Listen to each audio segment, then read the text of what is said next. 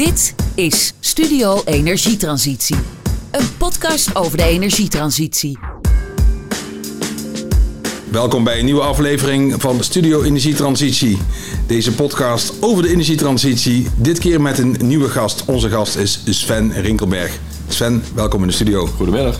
Zo Sven, uh, ja, je bent van transitiepaden.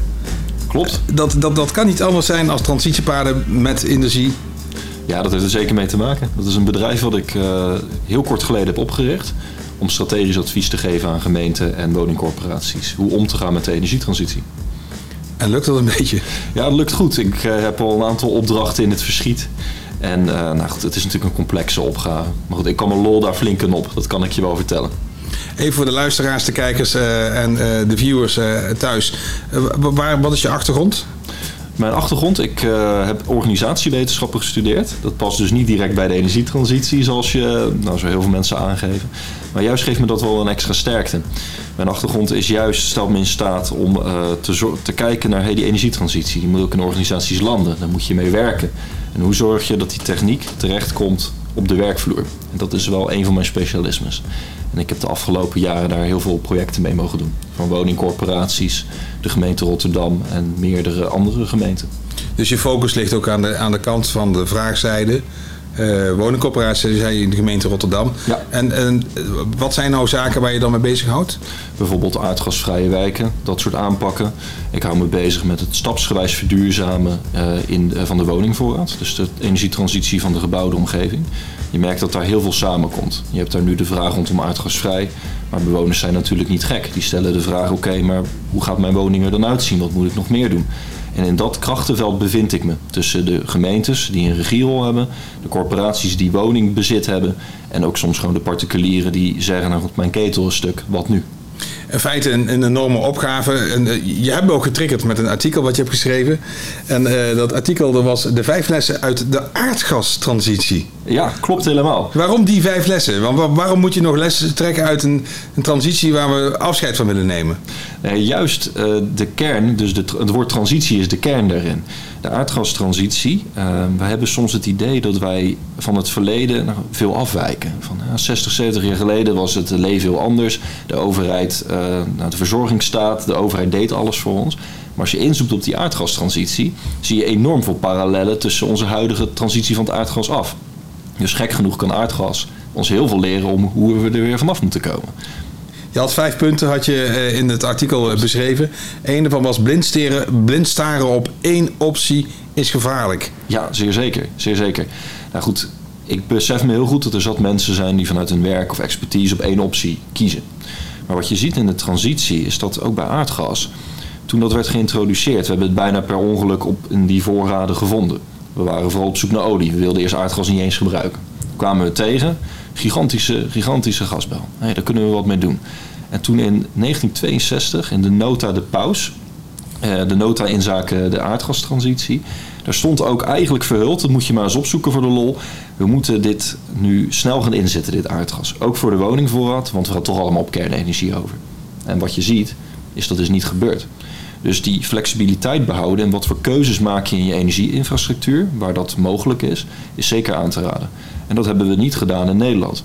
En dat leidde er zelfs toe dat economen en die Economist, een beroemd artikel, de Dutch disease noemden. Dus dat wij zo verknocht waren aan onze enige aardgasbron, dat kan niet zonder ge, uh, grote gevolgen blijven.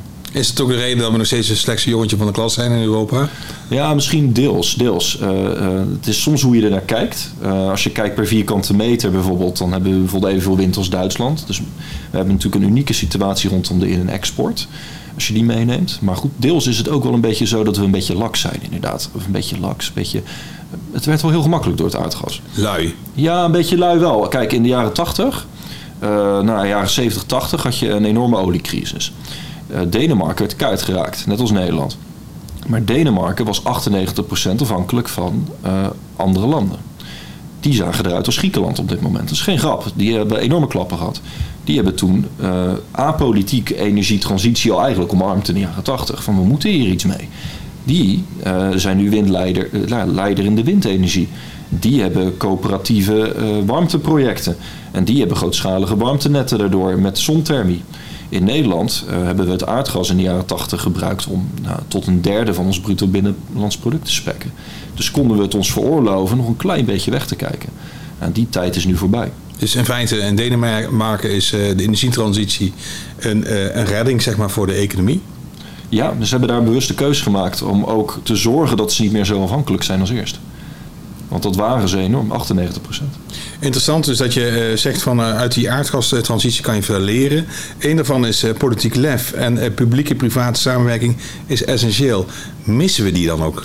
Nou, ik zie zelf dat um, een groot verschil tussen de transities, als ik even kijk naar grote transities van vroeger en nu.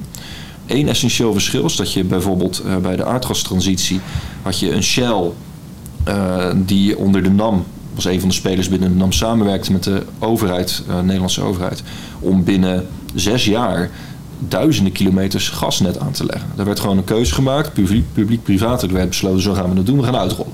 Daar zitten ook allerlei haken en ogen rondom betaalbaarheid. Dat, daarom lijkt het ook op de transitie van nu. Maar goed, er werd een keuze gemaakt. Je ziet het bij de rivierwerken, waarin we ook publiek-privaat uh, op grote schaal hebben samengewerkt. Een mooi voorbeeld is de deltawerken in de delta werken, zie je ook dat dat op die manier van, uh, nou, van start is gegaan. Zelfs op zo'n manier dat ze dat toen ook proeftuinen noemden. Hetzelfde als we nu de proeftuinen aardgasvrij hebben. Die, die term komt gewoon letterlijk uit de deltawerken. Met het cruciale verschil dat het daar de Rijksoverheid was die regie nam met grote partijen in de markt. En wat je nu ziet is dat de Rijksoverheid een half kader presenteert, waar ze nog niet over uit zijn, politiek ook niet. En die vervolgens decentraliseert naar gemeenten met een regieopgave dat gaat niet werken, denk ik. De gemeente wordt overvallen in feite met, uh, met die rol. Ja, voor een deel wel. Voor een deel zitten er genoeg capabele mensen binnen gemeentes om daarmee aan de slag te gaan. Je ziet alleen dat het uh, essentiële huiswerk of het, uh, nou, het opgaveformulier ontbreekt. Je ziet dat uh, gemeentes bijvoorbeeld nog niet zomaar wijken kunnen zeggen... nou 2030 bent u aan de beurt, is de aardgas klaar in uw wijk. Dat kan niet. er zijn nog heel veel steun en kostendiscussies die landelijk spelen bijvoorbeeld de koppeling van de gigajoulprijs aan de gasprijs. Heel veel dingen die het Rijk als huiswerk heeft. Maar voordat ze daar een beslissing hebben genomen, toch wel die verantwoordelijkheid, zo kijk ik er een beetje naar, gedecentraliseerd. Ja, de essentie van jouw pleidooi is van Rijk pak regie. Ja, Rijk maakt keuzes. Of wees heel helder in wat je wel en niet wil. Dat helpt. Dat helpt enorm. En zonder dat dat gebeurt, vrees ik dat we het tempo niet halen. Die anderhalf miljoen woningen in 2030. Dat, uh, dat hoor ik ook Rijksambtenaren zeggen. Ik zal geen namen noemen dat ze zeggen dat het niet uh, Dat we dat gewoon niet gaan halen op deze manier. Absoluut niet. Ben benieuwd wat je bedoelt met participatie mag leiderschap niet vervangen. Ja, kijk, dit heeft te maken dus met die uh, onduidelijkheid in de markt op dit moment. Ik zou één stap terugnemen, is interessant. Vlak voor het klimaatakkoord werd gelanceerd, is er onderzoek gedaan door het Rijk, door de politiek. Oké, okay, wat dat draagvlak? Nou, dat was rond de 72 procent. Dus veel Nederlanders hadden zoiets van, nou ja, prima, maar wees dan duidelijk wat je wil. Nou goed, waar zijn we in Nederland niet goed in? Duidelijk zijn wat we willen. Daar zijn we gewoon niet goed in, blijkelijk. Dus door die verkiezingen die die afgelopen keer zijn geweest, voor de Eerste Kamer onder andere, enorm veel onduidelijkheid. Wat wil het Rijk nou, wat wil de politiek? Verschillende coalitiepartijen spreken elkaar tegen. De energierekening gaat toch 300 euro omhoog. Compleet politieke fout. Echt heel gewoon dom, kan het niet anders zijn. En wat is de vijand van draagvlak? Onduidelijkheid. Dat heeft dat draagvlak gewoon uitgehold. Nou, hoe, hoe kom je dan op het punt Oké, leiderschap mag participatie niet vervangen of andersom in dit geval. Je ziet dat uh, participatie is een, is een middel om tot iets te komen. Alleen je moet wel afkaderen wat je wil met je participatie. Wat wil je nou bereiken? Wat, hoe ga je dat doen? En het is wel heel makkelijk om als, uh, als overheid te zeggen, of als gemeente, wij weten het ook niet. Burgers, wat wilt u met aardgasvrij in uw wijk? Burgers, wat wilt u met energieopwekking in uw wijk? Daar zitten de meeste mensen volgens mij helemaal niet op te wachten. Ik weet niet hoe het met jouw uh, kenniskring zit, maar niemand uh, in mijn kenniskring is daar nou heel erg druk mee bezig. Nee, nobody cares. Ik bedoel, uh, ik zeg het wel eens heel, heel plat. Als de rioolbuizen open gaan in jouw wijk. Nou, wil je dan een heel participatiecircus zo gefeliciteerd het riool wordt vervangen? De meeste mensen denken, joh, het is toch een nutsvoorziening. Ook energie. Het is weliswaar geprivatiseerd, maar de meeste mensen die ik spreek, die zeggen, joh, regel het, ik betaal belasting. Dat betekent dus niet dat je mensen niet hoeft te betrekken. Dat betekent wel dat je de vraag heel helder moet stellen aan de voorkant. Want mensen hebben ook gewoon een leven, werk en andere hobby's. Die, die zijn helemaal niet bezig met een nieuwe energieinfrastructuur. Is het toch wel weer een nieuwe soort van transitie? Want voor mijn gevoel ben ik er al vijf jaar mee bezig. Ja. En, ja, en, en ik heb ook, als ik jou weer hoor, het idee van het moet nu pas beginnen.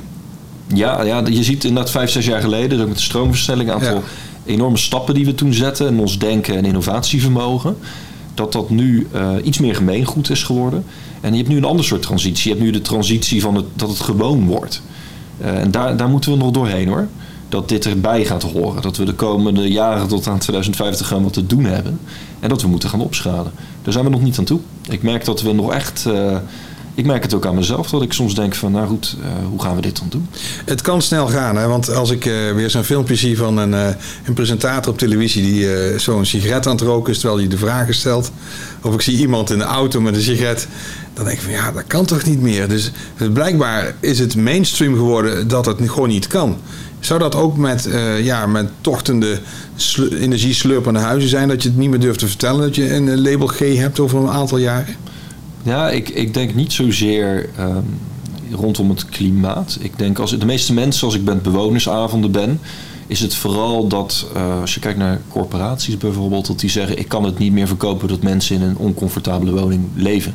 Dus ik draai hem dan om. Ik denk niet dat het individuen zijn die dan zeggen: "Joh, waarom wil je dat? Je hebt zat mensen die het liefst in een, eh, een pand uit 1900 wonen, zeggen dan is het maar toch, dan doe ik een trui aan. Ik denk vooral dat het eh, de manier is hoe we met vastgoed en dat soort dingen omgaan. Dus dat je ziet dat grote spelers in de markt langzaam zeggen: dit kan ik niet meer verkopen. Dit wil ik niet als basiskwaliteit. We willen nog veel meer tips eh, van Sven Ringelberg. Hij is onze gast in eh, deze Studio Energie Transitie aflevering. Eerst even dit. Dit is Studio Energietransitie. Een podcast over de energietransitie. Je zegt ook zonder Noord-Nederland geen energietransitie. Dus we hebben die Groningers hebben dus hard nodig om iets los te breken. Ja, dat was ook een, een beetje een les met een, eh, een knipoog. Voor de, als je kijkt naar de geschiedenis van Nederland en hoe wij met energie zijn omgegaan. Ehm, eh, bijvoorbeeld in, in Engeland had je in de jaren in de 16e, 15e eeuw had je al een tekort aan hout. Toen heeft de koning van Engeland zelfs gezegd: ja, zonder hout heb ik geen koninkrijk. Nou ja, wij hebben zonder Groningen geen Nederland. Waarom niet? De turf in de 16e eeuw, waar wij eeuwenlang onze woning mee hebben verwarmd. Wat houtkap heeft vervangen toen. Dat kwam uit Groningen in eerste instantie. Nou goed, toen daar keek ik naar, dat las ik. dacht interessant. We hebben een soort turftransitie gehad. En dat komt ook vanuit eh, het noorden, Noord-Nederland. En later hebben we dat vervangen door het aardgas. Dus nou, wat let ons om Groningen ook een klein beetje iets terug te geven? Want daar hebben ze natuurlijk enorm veel last gehad van die transities. Misschien moeten ze wel de waterstofhub worden van Nederland. Daar zijn ze ook druk mee bezig. Ik weet dat de gedeputeerde daar regelmatig op LinkedIn dingen over post. Dus ik ben er ook wel van overtuigd, en dat was een beetje met een knipoog dus, dat je juist die gebieden die dus nu klappen hebben gehad, door de verschillende transities, een rol moet geven in die nieuwe transitie. En ik heb het idee dat Groningen daarin met hun energieinfrastructuur een rol kan spelen. Er zal eerst iets moeten gebeuren, want eh, van de week is er weer een debat geweest waarbij eh, de honden geen eh, brood lusten. De, Groningers die willen eerst eh, dat ze geholpen worden, dus met hun problematieken. En nog snel ook. Ja, Ja, dat is natuurlijk de vraag eh, van eh, hoe vlot dat allemaal gaat. Maar het is wel een lastige. eh, je- het scheurt aan alle kanten, merk je. Dus ook zo'n energietransitie. Ehm, als je kijkt, en dat hoor je ook vaak, dat particulieren zeggen van nou, weet je, als er subsidies komen, dan, dan ga ik wel wat doen. Klopt. Maar je hebt ook gezegd van nou, dat is het niet. Hè? Het is niet het geld wat zou moeten gaan drijven. Het moet comfort zijn. En Ja. dat het gezellig en leuk is. Ja, precies. Ik bedoel, in de jaren 60, maak ik even het bruggetje, Ja. had je de bond van vaste vloeistoffen. Serieus. Die waren De bond eh, van vaste vloeistof. Ja, serieus, ik maak geen grapje. En die waren aan het ageren tegen aardgas. Die zeiden, de slogan was, gezellige mensen stoken kolen. Dus die zaten op die gezelligheid en die huiselijke sfeer van een vuurtje in huis. Dat hebben ze natuurlijk keihard afgelegd. En dat kwam enerzijds omdat je zag dat in gas eh, was goedkoper. Dat, dat is natuurlijk iets wat je heel veel hoort. Ja, maar gas was goedkoper. En nou, ga de krantartikelen maar eens lezen. De NAM zou ons bestelen als burgers. Dat, en eh, mensen moesten eh, flink wat guldens uitgeven toen om apparatuur in de woning te vervangen. Dat was, niet voor niets. En als je dan kijkt naar een, een van de allereerste enquêtes die is gedaan in Leeuwarden, in de jaren 60 is dat, dan zie je dat mensen, ik dacht zo'n 90%, die was van dus kolen en andere brandstoffen naar aardgas gegaan, die hadden geen idee wat een energierekening daarna was. Maar ze hadden centrale verwarming. Ze hadden nieuwe gadgets waarmee ze konden koken. En dat gaf een heel ander beeld en beleving bij die energie. En ik denk dat dat een belangrijkere rol speelt dan wij eh, nu durven toe te kennen. Het gaat te veel over het geld. Het geld is ook belangrijk. Je hoort mij ook echt niet zeggen dat dat geen rol speelt. Maar ik denk dat we dat een, een klein beetje perspectief moeten plaatsen. Het moet weer leuk worden. Ja, het mag ook wel leuk zijn. Die transitie moet ook leuk zijn, want waarom zou je het anders gaan doen met elkaar? Mensen zijn niet gek. Volgens mij zo, zo, zo vanzelfsprekend als Netflix. Daar heb je ook een keer iets over gezegd. Ja, nou ja, ik zei doe de Netflix-pet eens op. Dus als jij thuis zit, eh, stel je voor, ik weet niet wie er nu aan het luisteren is, je gaat dadelijk Netflix kijken. Stel je jezelf dan is de vraag op de bank, als je lekker, lekker op die bank zit. Oké, wat is er nu voor nodig om mij te overtuigen?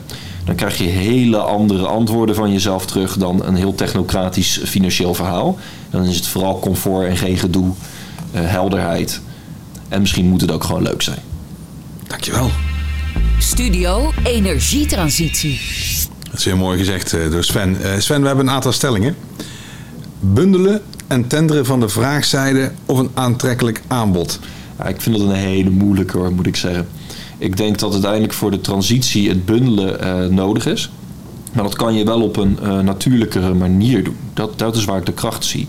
Ik zie nu dat met eh, de aardgasvrije wijk aanpakken. Daar word je, ga je natuurlijk naar bundeling toe. Dat is een eerste voorbeeld met de proeftuin hoe je dat zou kunnen doen.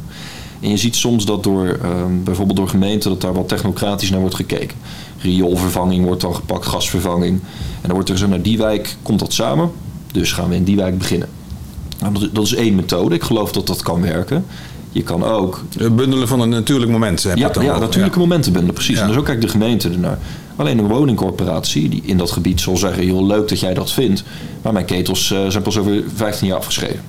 De particulieren zeggen, joh, ik heb hier geen zin in. Dus je kan ook naar bundeling van ander soort kansen toe. Het zou best kunnen dat je in een wijk een bewonersinitiatief hebt. Een corporatie die aangeeft, joh, ik heb zoveel renovatieopgaven, wat moet ik nou doen?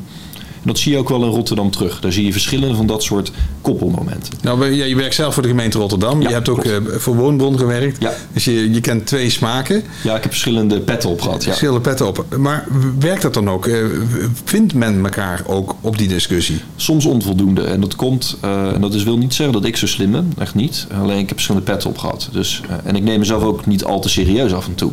Ik ben gewoon heel nieuwsgierig van, oké gemeente, waarom dit gebied? Vertel mij nou eerst, wa- wat zit erachter? En als je begrijpt wat er achter iemands vraag zit, kun je tot elkaar komen. Bijvoorbeeld, eh, gemeente X vindt corporatie Y vervelend. Omdat de corporatie niet mee lijkt te willen werken. Nou, dan zit er dus achter dat de corporatie geen grootschalige kapitaalvernietiging wil. Of misschien hebben ze net wel een conflict met bewoners in die wijk gehad. Dus als je elkaar wat beter begrijpt, kun je misschien elkaar ook wel een oplossing bieden. En dat ontbreekt. Dat kan beter. Maar goed, daar hebben we ook proeftuinen voor om dat te leren. Dus dat is eh, de andere kant van het verhaal. Energietransitie ook, is ook een fusie van allerlei systemen. Ja, ja, en belangen die elkaar normaal niet raakt op die manier. Je wordt in één keer tot elkaar veroordeeld. Zeker als je eh, een antwoord op de stelling eh, toch door het vraag- en aanbodbundeling eh, noodzakelijk is, ben je tot elkaar veroordeeld. Nou, dan kom je er dus alleen uit als je elkaar begrijpt. Dat is noodzakelijk. Tweede stelling. De aannemer of de installateur? Ja, ik heb dus, eh, omdat ik zelf ook eh, geïnteresseerd ben in de installatiebranche, een voorkeur voor de. eh, ik denk dat de installatie, installateur een grotere rol gaat spelen. En dat is puur omdat ik dan af en toe van een voormalige Uneto VNI uh, Techniekkanaal nu wat rapportages lees. En dan zie je dat die installatiequote, dus voor de luisteraars, het percentage. Zo'n woning kost 100.000 euro.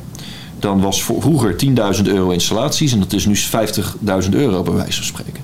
Dus die installatiequote, het percentage van de installaties in een woning, neemt toe. Dus dat doet mij geloven dat eh, de installaties in de woning de toekomst zullen zijn. En dat die installateur steeds meer op de plek of samen met de aannemer aan de slag moet. En of de sector daar klaar voor is, is een tweede. Dat is heel spannend. Ik zie dat, dat daar wisselend op gereageerd wordt. Beide markten worden eh, wel eens eh, naar gewezen van nou, jullie zijn heel conservatief. Ik zie ook partijen die dat anders doen. Ik heb wel eens met een, een Breeman gesproken en daar hoor ik dan dingen dat ik denk, nou, jullie hebben eh, hele innovatieve plannen om dit een keer anders aan te pakken, om aan, aan de voorkant van dit proces te gaan zitten. Dus dat kan zomaar. Dus ik, op onderbuikgevoel zeg ik de installatiebranche. Dus een role changing aan de gang. Ja, Ja, en misschien dat de installateur wel de, de system integrator eh, wordt van de woning. ja, nee, dat denk ik ook. Daar hadden wij het nu in- in de pauze ook even over. Ja. Ik denk dat daar wel een rol voor de installateurs weggelegd. Ja. Omdat de grote innovatie in die installaties misschien wel bepaalt hoe de rest van die schil van die woning eruit moet zien. We gaan het zien, het wordt wel spannend. De laatste stelling. Wachten op innovaties of doen met de spullen die er zijn? Ja, dat is echt ook een lastige. Ehm, het advies wat ik altijd geef bij corporaties is: je, moet, eh, je hebt de wet van remmende voorsprong. Dat is wat we wel eens in Duitsland hebben gezien. Nu dat ik wel eens voor de grap zeg: de Duitsers hebben erin ge- geïnvesteerd, wij nemen het nu gratis over en beet. Tegelijkertijd heb je ook een andere manier om naar te kijken. Je moet een economische investering, dus ook duurzaam, moet je beoordelen met de kennis van nu en de informatie van nu. En bovendien hebben we ook geen tijd meer. Als je de, de opgave serieus neemt dan, en de aardgasvrij bijvoorbeeld, die is heel prangend, dan moet je nu beginnen met de spullen die je hebt. Maar wel, zoals die, de eerste vraag die je stelde, flexibel zijn in je systeem. Zodat je innovaties ruimte geeft terwijl je aan de slag gaat. En hoe je dat voor elkaar krijgt is heel lastig. Dat kan, uh, dat kan op verschillende manieren. Een mooi voorbeeld vind ik bijvoorbeeld hybride toepassingen in woningen. Ik zie, hoe doe je dat zelf? Want uh, ga jij naar nul op de meter zelf of uh, doe je het in stapjes nog, Riket? Nou, ik ga het in stappen doen, want ik heb net een nieuwbouwwoning. Ja. Uh, ik ben nu druk aan het verhuizen, dus misschien ook wel een beetje moe uitzien. Aardgasvrij? Het is dus niet aardgasvrij en dat is heel vervelend. Ik heb ja. dan zelfs ook nog gebeld met de aannemer en dan is het antwoord, we hebben allerlei contracten alvast, het gaat niet. Nou goed, en dan ga ik dus, no regret, misschien wel over een paar jaar een hybride ketel ernaast, een hybride warmtepomp. Nou, dan bespaar je en dat is no regret. Je schrijft hem over een bepaalde periode af. Maar je hebt wel flexibiliteit om nog andere dingen aardgasvrij te doen. Misschien komt er in Vlaardingen waar ik wel, wel een warmtenet. Geen idee. Ik zal het eens aan de wethouders vragen. Misschien moet ik het all electric doen. Maar ik ga wel mijn opties open houden. Maar uiteindelijk wil je ook ja, CO2-neutraal. Ja, zoveel als je, kan. Je wil wel mee natuurlijk. Je bent de man van transitiepaden. Dus, uh, ja, precies. Je, je, moet, je, moet, wel mee. Je moet het goede voorbeeld geven. Goede en voorbeelden geven. Absoluut. absoluut. Wil je nog iets kwijt? Nou, ik, se, ik heb niet per se iets wat, me, wat ik echt uh, kwijt wil. Wat, iets wat me nu wel te binnen schiet is... Uh, voor de lol, als je dit luistert... doe eens de moeite de geschiedenis van transities erbij te pakken. Dat heeft mij heel erg geholpen in mijn werk. In hoe zijn wij nou in het verleden met energie omgegaan. En echt waar van de introductie van de stoomlocomotief... tot de gloeilamp tot het gaslicht. Dus dat we met gas de woningen verlichten in Nederland en hoe dat in elkaar zat. Dat laat heel veel zien uh, hoe mensen met energie omgaan en systemen. Dat kunnen we nu prima weer gewoon gebruiken, die lessen. Dus dat is wel een oproep. Uh, neem het verleden serieus in deze transitie. Sven, je schrijft erover. Als mensen er meer over willen weten, waar uh, kunnen ze dan jouw stukjes oppikken? Op twee plekken. Je kan naar mijn LinkedIn gaan. Gewoon Sven Ringelberg en toetsen. Je kan me volgen of toevoegen. Allemaal helemaal prima. En op mijn website uh, www.transitiepaden.nl. Daar vind je het onderdeel blogs. En daar schrijf ik uh, nou zeker twee wekelijks een vrij uitgebreid verhaal over de dingen die ik tegenkom en die, die ik dan kwijt wil. Nou, de 20 minuutjes zijn alweer om. Uh, we moeten het nog, nog een keertje doen. Doen we nog een uh, aflevering 2 weer met wat andere onderwerpen. Sven, Super. bedankt uh, hier in de studio. Dames en heren, bedankt ook weer voor het kijken en voor het luisteren naar uh, deze podcast, vodcast. Wil je er meer over weten? Ga naar www.studioenergietransitie.nl. Tot de volgende keer. Deze podcast is mogelijk gemaakt door kwartiermakers in de bouw.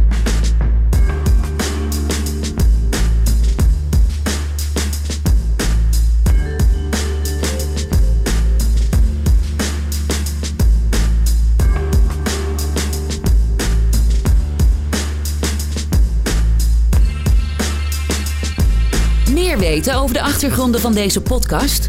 Kijk dan op studioenergietransitie.nl.